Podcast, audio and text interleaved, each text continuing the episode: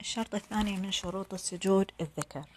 آه، طبعا نفس الكلام اللي تكلمنا عنه بالنسبة إلى الذكر في الركوع هو نفسه في السجود. اللهم إلا الاختلاف في أن ذكر الركوع سبحان ربي العظيم وذكر السجود سبحان ربي الأعلى. من باب الإفادة باعد.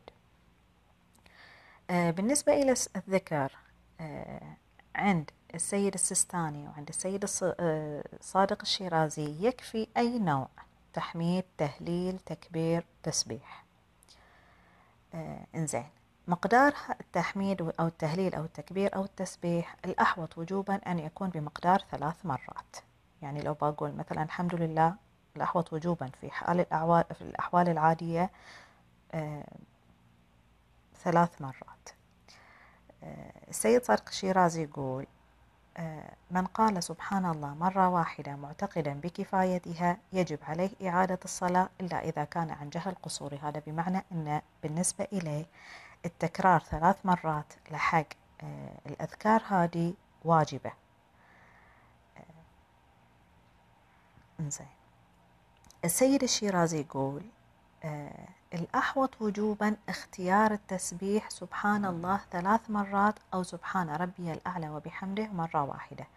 السيد الشيرازي يقتصر على هدول الشيئين. يا تسبيح يا سبحان ربي الأعلى وبحمده. والتسبيح الأحوط وجوبا أن يكون بمقدار ثلاث مرات وسبحان ربي الأعلى وبحمده بمقدار مرة واحدة. يعني مو زي السيدين السيد آه، آه، السيستاني والسيد صادق الشيرازي انه يكفي التحميد والتهليل والتكبير والتسبيح. لا هو مقتصر فقط على التسبيح. إنزين. قضية اختيار آه، التسبيح سبحان الله لنا متفقين عليها فبذكرها هي وقضية اللي هي قول سبحان ربي الأعلى وبحمده. هنا التخيير بينهم يعني أخذ هادي والله أخذ هادي أقول هادي والله أقول هادي هادي من باب الاحتياط الاستحبابي. ليش الخيار إنش تقولي سبحان الله ثلاث مرات أو تقولي سبحان ربي الأعلى وبحمده مرة واحدة؟ إنزين. في حال ضيق الوقت والاضطرار يكفي أن يقول سبحان الله مرة واحدة. آه، عند السيد صادق الشيرازي بالنسبة لحق التسبيحة الكبرى سبحان ربي الأعلى هنا لا يكفي لابد من قول وبحمده. يعني نقول سبحان ربي الأعلى وبحمده. الأفضل في الأذكار إنك تكرر التسبيحات آه، اللي هي تكرار التسبيحة الكبرى بمعنى سبحان ربي الأعلى وبحمده ثلاث مرات أو خمس مرات أو سبع مرات. كل ما كثرتي كان أفضل لكن آه إنك توقفي على الوتر يعني تصير الأعداد فردية مو زوجية في التكرار. آه زائد من الأشياء اللي هي تستحب أو تفضل في الذكر قضية الصلاة على محمد وآل محمد. السيد صادق الشيرازي ويستحب قول وعجل فرجهم بعد الصلاة على محمد وآل محمد. اللهم صل على محمد وآل محمد وعجل فرجهم. آه، وزي ما قلت لكم قضية لما بدينا وتكلمنا عن السيد صادق الشيرازي والسيد سستاني إنه يكفي التحميد والتهليل والتكبير والتسبيح. إنزين آه، قضية إن لو آه، بس اعتمدت على الصلاة على محمد وآل محمد. اللهم صل على محمد وآل محمد بدون ما أقول ولا حاجة من هدولة ولا أقول التسبيحة لا يكفي. لا تجزئ الصلاة على محمد وآل محمد عن الذكر. هذا بالنسبة لشرط الذكر. الشرط الثالث من شروط السجود الطمأنينة. شرط من شروط السجود الواجبة إلا لو أخل بها المكلف عمدا بيبطل.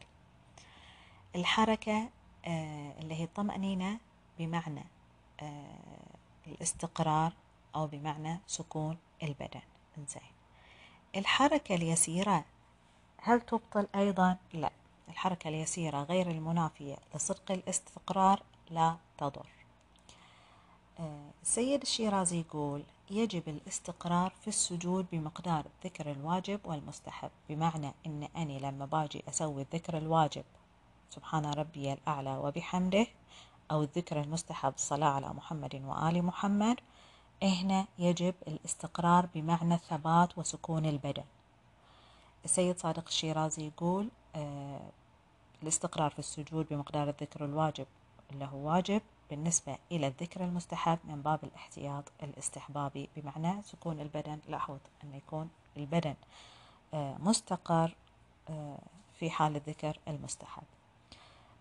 بالنسبة إلى السيد السيستاني يقول الأحوط وجوبا الاستقرار بمعنى الثبات وسكون البدن أثناء الذكر الواجب والذكر المستحب. إنزين. بالنسبة إلى الذكر المطلق أني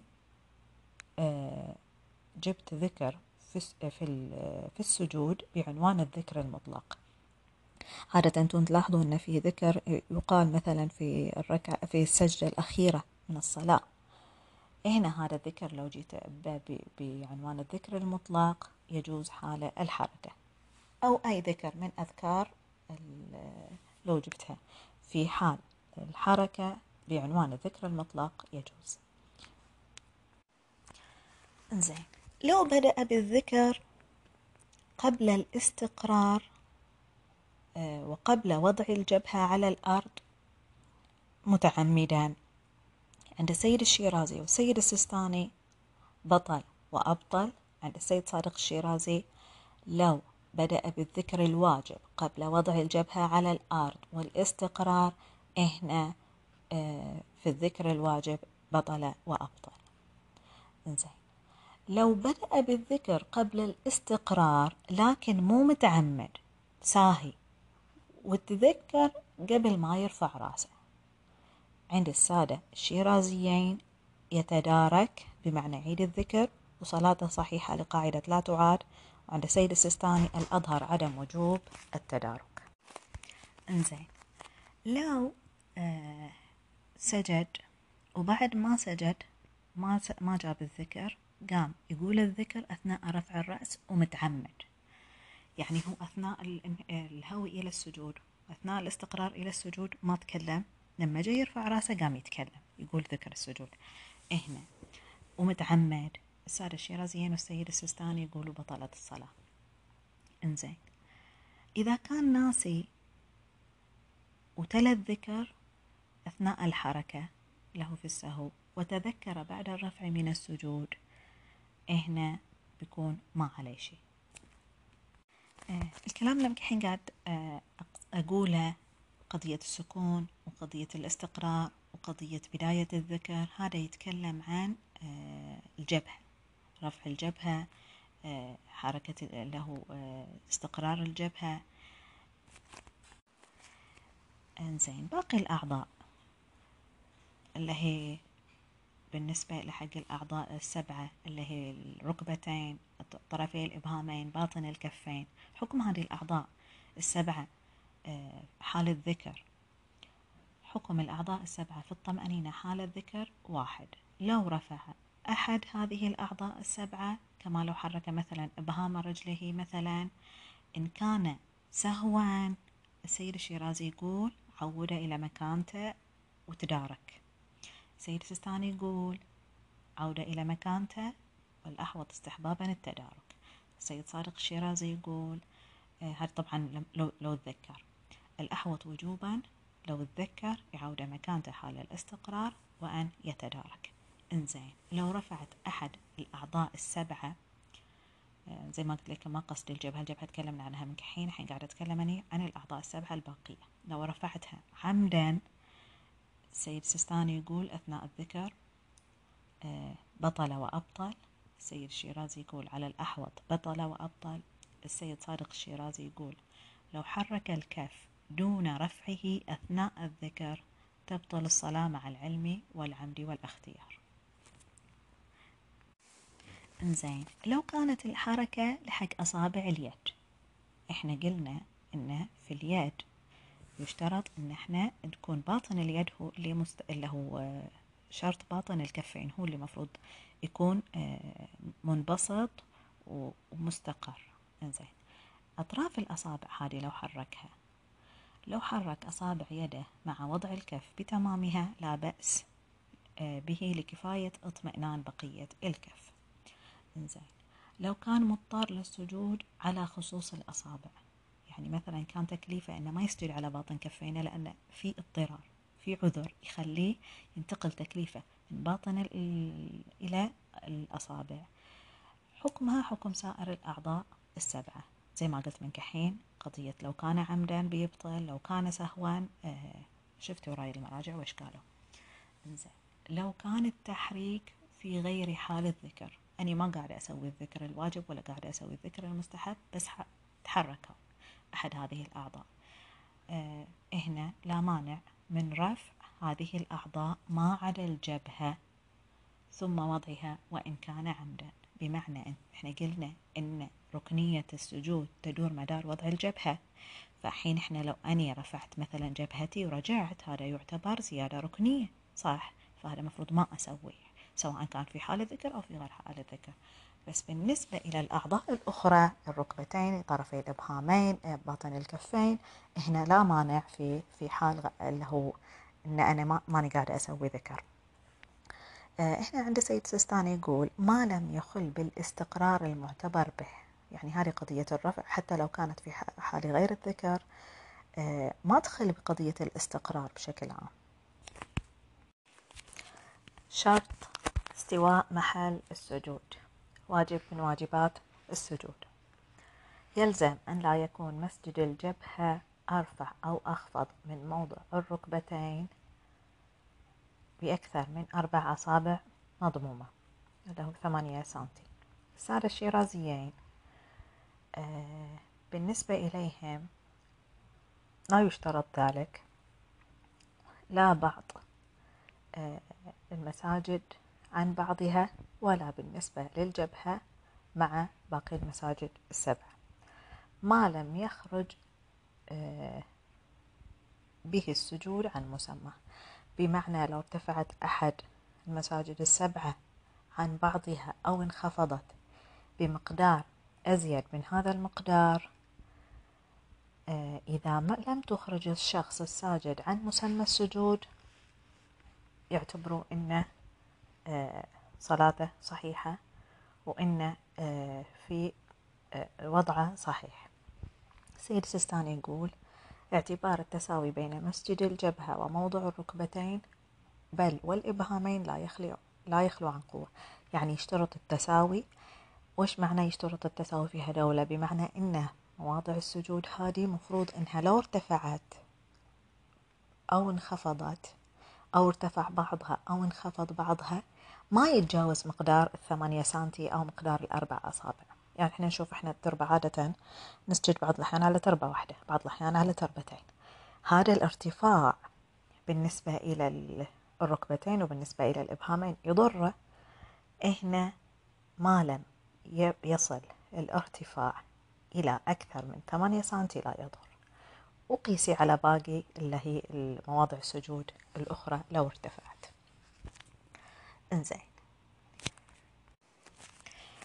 آه بعض الأحيان من باب السهو الشخص يضع جبهته على مكان آه مرتفع. هذا المكان المرتفع آه بعض الأحيان لا يصدق عليه بهذا الارتفاع أنه ساجد وبعض الأحيان يصدق عليه أنه ساجد لأن مقدار الارتفاع قليل. إنزين. في حال وضع جبهته سهوا وكان الارتفاع بحيث أن الرائي إليه يقول أن هذا ما هو ساجد مو صادق عليه معنى السجود. وإيش تكليفه؟ في حال السهو عند السيدين الشيرازيين وعند السيد السيستاني يجوز الرفع أو الجر. هنا ليش قال يجوز الرفع لأن أصلا مسمى السجود ما صدق عليه عشان نقول إنك ساجد وبترفع ولو رجعت مرة ثانية بتكرر قضية الركنية في السجود. لأن إحنا نعرف ركنية السجود تدور مدار وضع الجبهة على ما يصح السجود عليه بالمقاييس الصحيحة. الحين هو أصلا اللي يشوفه يقول إنه ما يصدق عليه ساجد. فيجوز له بذلك الرفع أو الجر على المكان الصحيح. انزين. إذا كان الارتفاع قليل وضع جبهته سهوا كان الارتفاع قليل وكان آه هذا الوضع اللي يشوفه يقول له هذا ساجد. آه لكن الارتفاع هذا القليل مو بالحد المجوز إلينا. يعني كان ارتفاع قليل صحيح لكن أكثر من أربع أصابع مضمومة أكثر من ثمانية سنتي يعني مو بالمقدار المحدد الشرعي. هنا آه، الشيرازيين الأحوط سحب جبهته إلى شيء ارتفاعه بالمقدار المحدد لصدق زيادة سجدة مع الرفع. يعني في حال أن صدق عليه مقدار السجود لكن المقدار المشترط به أنه ما ترتفع آه، ما يرتفع عن الثمانية أصابع آه، ما أربعة أصابع مضمومة ثمانية سنتي أو ما ينزل عن هذا المقدار.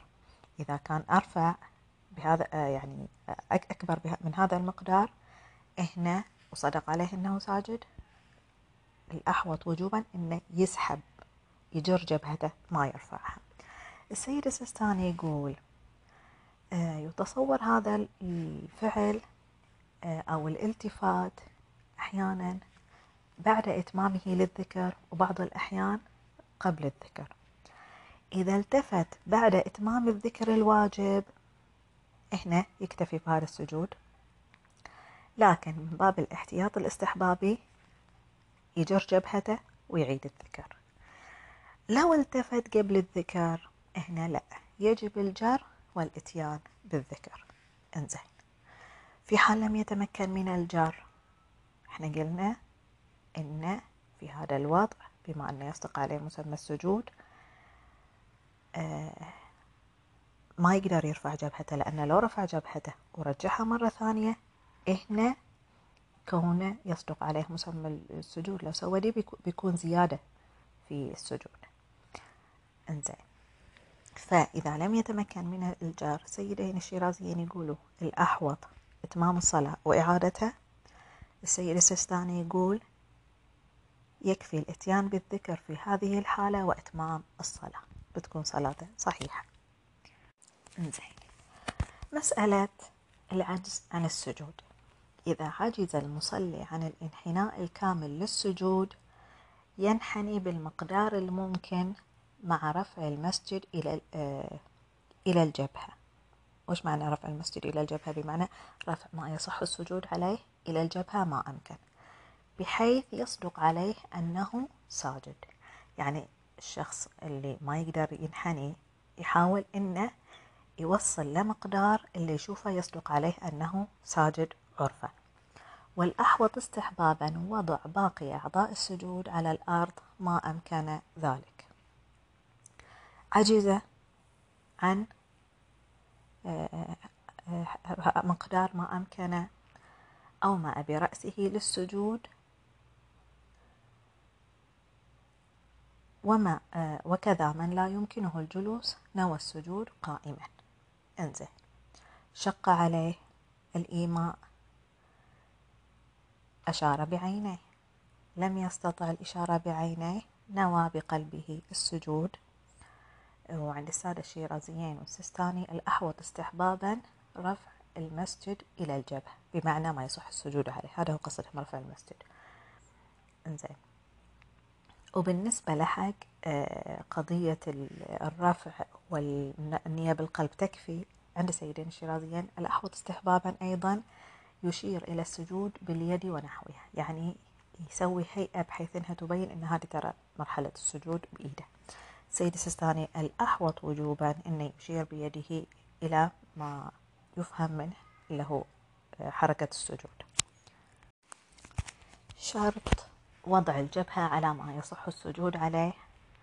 يجب وضع الجبهة على الأرض أو ما أنبتته الأرض من غير المأكول أو الملبوس. يحدد ذلك آه، صدق التسمية وما اعتبره عرف كل بلد. بمعنى بعض الأحيان إحنا في نباتات إحنا ما ناكلها بس في بلدان ثانية ياكلوها. إحنا عرف البلدي لا إحنا ما ناكلها فهي تعتبر من النباتات غير المأكولة ممكن نستخدمها في السجود. هذا هو القصد. إنزين. في حال التقية يجوز السجود على ما لا يصح السجود عليه كالفراش وغيره ولا يجب التفصي وش معنى التفصي بمعنى التهرب أو الخروج. آه، بالخروج إلى مكان آخر لا تقية فيه أو تأخير الصلاة بعد زوال سبب التقية. مباشرة تقدر تصلي على الفراش وتبادر إلى الصلاة ولا يجب عليك قضاء الصلاة. انزين. لو, وجح لو وجدت سعة يسموها مندوحة متى ما وجدت المندوحة يجب اختيارها لعدم تحقق موضوع التقية حينئذ؟ عند السيد صادق الشيرازي على الأحوط وجوبا في حال وجود السعة. أو في حال وجود المندوحة الأحوط وجوبا اللي هي السعي إليها. إنزين. آه لا تصح الصلاة مسألة على ما لا تستقر عليه المساجد فلا بد من تمكين الجبهة عليها. مثلا سفنج القطن آه المخيط أو الرخوي المخدات اللي مصنوعة من الريش مثلا. التراب الناعم اللي نغوص فيه. إحنا في هذه الأشياء لابد من الاستقرار وتمكين الجبهة عشان يتحقق السجود الصحيح. آه سيد الشيرازي بالنسبة لقضية الاستقرار يجب بمقدار الذكر الواجب. فإن استقر بمقدار الذكر الواجب هنا تصرفه صحيح وصلاته صحيحة. السيد الشيرازي يقول الأحوط استحبابا لا يسجد على الجص أو النورة الكلس المطبوخ والخزف في حال الاختيار. يعني حال الاختيار ممكن أني أصح على ما أسجد على ما يصح السجود عليه. وعندي يا أني أسجد على ما يصح السجود عليه من غير المأكول أو الملبوس. وعندي هدولة الجوص أو النورة أو المطبوخة أو الخزف. يقول يفضل أنك تقدم ما يصح السجود عليه من غير دولة. سؤال. لو وضعت جبهتي على آه، موضع لا يصح السجود عليه وما كنت متعمدة. مثلا قاعدة أصلي وجد ياهل وسحب التربة هنا وش تكليفي؟ يجب جر الجبهة إلى ما يصح السجود عليه دون رفع الرأس. زين ما تمكنت من الجر والتفت. بعض الأحيان يكون التفاتي قبل تمام إتمام الذكر بعض الأحيان بعد آه، إتمام الذكر. في حال كان الالتفات قبل إتمام الذكر السيدين الشيرازيين يقولوا الأحوط الإتمام بمعنى إتمام الصلاة ثم الإعادة. السيد السيستاني يقول لا يبعد كفاية الإتيان بالذكر على هذه الحالة بمعنى على آه، المكان اللي سجدت عليه. وإتمام الصلاة معها بعد الذكر أو بعد رفع الرأس. آه الاكتفاء به قوي والأحوط استحبابا. الإعادة هذا بالنسبة للسيد آه سيستاني وبعد السيد صارق الشيرازي. أما بالنسبة إلى السيد الشيرازي يقول هنا نفس الشيء لا يترك الاحتياط بالإعادة. إنزين. مسألة. سجدت على ما يصح السجود عليه. مثلا خوصة كانت عندي. لكن وأني ساجدة أحد جنبي عنده تربة وجابها لي حطها جنبي عشان أسجد عليها. هنا يجوز أجر جبهتي من الخوصة إلى التربة. آه عند السيدين الشيرازيين نعم يجوز الجر إلى من وضع جبهته على ما يصح السجود عليه لطلب الأفضل يعني أروح ألجأ إلى التربة. جر مرافع السيد السيستاني يقول في جواز الجر إشكال لاستلزامه الإخلال بالاستقرار المعتبر حال السجود. فخلش على خوصش ما لي داعي إنك تروحي لحق التربة. إنزين. لو كنت أصلي في سعة الوقت اكتشفت إن أني حاطة جبهتي على ما لا يصح السجود عليه. ولا أقدر آه، أتحصل على ما يصح السجود عليه أثناء آه، السجود. في سعة الوقت هنا السيدين الشيرازيين يقول اقطعيها السيد السستاني يقول لا كملي صلاتش في ضيق الوقت آه، السيد السستاني يقول يسجد على ثوبه ثم المعدن ثم ظهر كفه وتصح الصلاة. آه، مو بس السيد السستاني حتى السيدين الشيرازيين. السيد صادق الشيرازي يقول يفضل تقديم المعدن على ظهر الكف احتياطا. لازما بمعنى احتياطا وجوبيا. والسيد سستاني هنا ما عنده شرط فيقول الإتمام. ما له داعي إنش آه، هذول التعدادات. يقول كملي صلاتك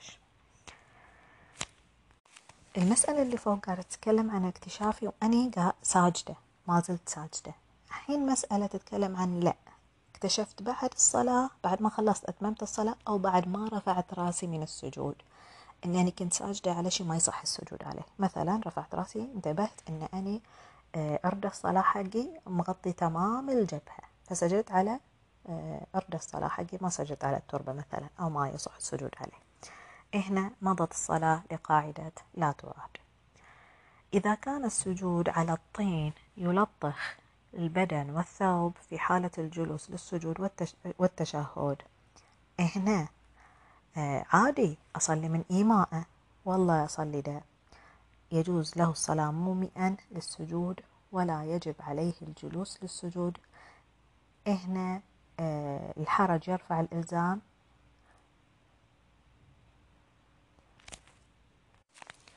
لكن في مرحلة أن أنا ما في إحراج بالنسبة إلي لو تلطخ بدني أو تلطخ مثلا آه، جسمي. السيد السيستاني يقول مع عدم الحرج الجلوس لهما وأن تلطخ البدن والثوب وفي حال تحمل الحرج بتكون الصلاة صحيحة. أما بالنسبة إلى السيد الشيرازي يقول لا يترك لا يترك الجلوس في حال عدم الحرج. يعني نفس رأي السيد السيستاني إن في حال عدم الحرج آه اجلس الجلوس العادي واسجد السجود العادي. في حال كان في حرج هنا يجوز لك الصلاة مومع والسجود. آه، عن إيماء ولا يجب عليه الجلوس للسجود. الشروط اللازم توفرها في مسجد الجبهة. أن يكون مسجد الجبهة طاهرا أن يكون آه، من الأرض أو ما أنبتته الأرض غير مأكول وملبوس. ترتيب الأفضلية لما يصح السجود عليه الأرض التراب بعدين النبات بعدها القرطاس. الأفضل من كل ذلك السجود على التربة الحسينية. وهي أفضل آه، ما يصح السجود عليه. بالنسبة للأمثلة موجودة في الجداول آه، من ضمن البحث تقدروا ترجعوا إليها في الأشياء التي تصح السجود عليها والأشياء التي لا تصح السجود عليها. ذاكرة يعني فيها آراء المراجع آه، جدولين تقريبا أو ثلاثة جداول كبار ارجعوا إليها. بتشوفوا إن كل مرجع وإيش رأيه في الأشياء التي تصح السجود عليها؟ وفي أشياء دقيقة يبقى لكم تنتبهوا إليها في داخل الجداول. إنزين. الحين بنجي لحق سنن السجود أو مستحبات السجود. في مستحبات مشتركة بين الرجل والمرأة وفي مستحبات خاصة بالمرأة وفي مستحبات خاصة بالرجل. بالنسبة إلى المشترك بين الرجل والمرأة من المستحبات أو سنن السجود التكبير قبل وبعد كل سجدة؟ رفع اليدين حال التكبير استيعاب أكبر قدر ممكن للجبهة على المسجد. إحنا قلنا القدر الواجب عند السيد الشيرازي اللي هو بمقدار الدرهم عند السيد السيستاني بمقدار أنملة لكن المستحب انك تستوعب الجبهة أكبر مقدار ممكن للجبهة. آه، ضم أصابع اليدين آه، وموازاتهما للأذنين باتجاه القبلة أثناء السجود. وضع الجبهة على الأرض والتراب دون الحجر والخشب من السنن. التورك في الجلسة بعد السجدة بأن يجلس على وركه أو فخذه الأيسر ويجعل ظهر قدمه اليمنى على باطن قدمه اليسرى وتسمى جلسة العبد هذه تقريبا الجلسة ما أقدر أسويها لكم. يعني ما أقدر أنتوا نشوفوا قروا الكلام وحاولوا تطبقوا. آه الاستغفار في الجلسة بين السجدتين استغفر الله ربي وأتوب إليه هذه من السنن أو من المستحبات ليست واجبة. آه الصلاة على النبي محمد صلى الله عليه يا رسول الله في سجوده وبين السجدتين إطالة السجود الدعاء قبل الذكر بالمأثور عن الإمام الصادق عليه السلام آه يدعو في السجود ويطلب حوائجه في الدنيا والآخرة وضع اليدين على الفخذين أثناء الجلوس آه، قول بحول الله وقوته أقوم وأقعد عند النهوض للقيام هذا بالنسبة لحق المشترك بين الرجل والمرأة. بالنسبة إلى المرأة آه، من المستحبات بالنسبة إلى المرأة وضع الركبتين قبل اليدين أثناء النزول للسجود. تخيلوا شكل شوتي نازلة هنا من المستحبات للمرأة أنها تنزل ركبتيها قبل أياديها أثناء النزول للسجود. آه سيد الشيرازي يقول لا يظهر عدم الاستحباب في هذه الحركة. ضم أعضائها آه، لصق اليدين بالرجلين وهي تنزل آه، وأثناء السجود السيد صادق الشيرازي وضع ساعديها ساعديها على الأرض. شفت الساعدين؟ لما تجي كأنش مفترشة نزليهم على الأرض.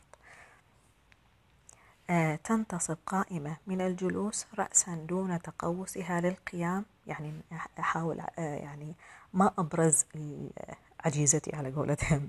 أحاول أني أني أقوم أو قموني كده مستقيمة تجلس على إليتيها.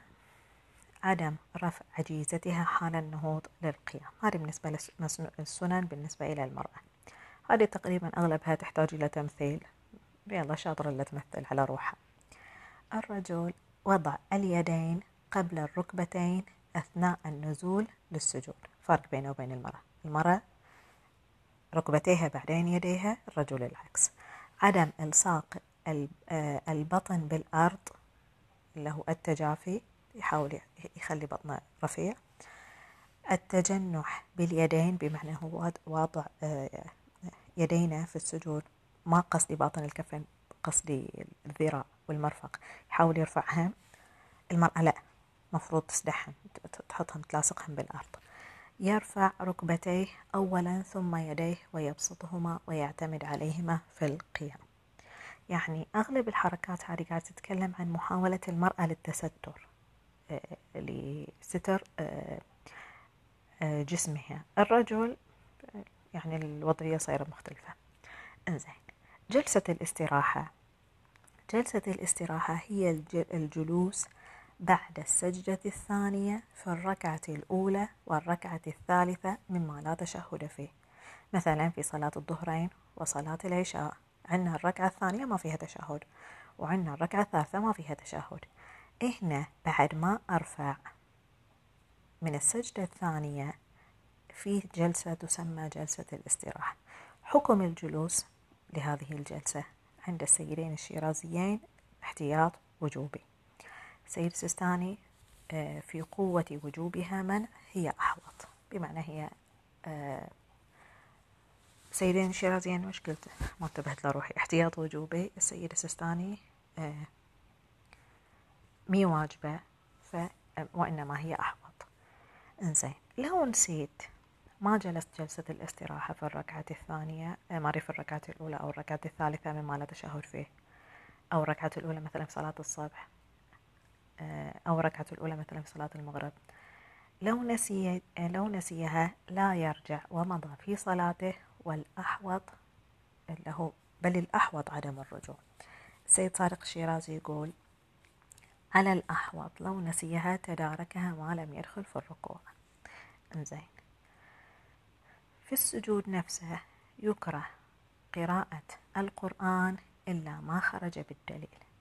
في السجود يكره الإقهاء. وش معنى الإقهاء؟ يعني يعتمد بصدر قدميه على الأرض ويجلس على عقبيه. في الجلوس بين السجدتين بل بعدهما نفس الشيء هذه بعد يحتاج لها تمثيل. آه نفخ موضع السجود إذا لم يتولد حرفان وإلا لم يجوز بمعنى أن لو كان نتيجة النفخ بيطلع لي آه هذا النفخ آه حروف. يعني مثلا لما بأنفخ بقول أوف إحنا طلع لي حروف. مو بس بالنفخ يعني كأنها صيغة حرف. هنا لا يجوز. عدم رفع اليدين من الأرض بين السجدتين آه تغميض العينين في الصلاة مطلقا. هذا بالنسبة لحق مبحث السجود أتميناه طبعا بيتبقى علينا التسليم والتشهد وبيتبقى علينا آه مبطلات الصلاة وقواطع الصلاة. إن شاء الله بنكملهم في الأسبوع الجاي. يعطيكم العافية.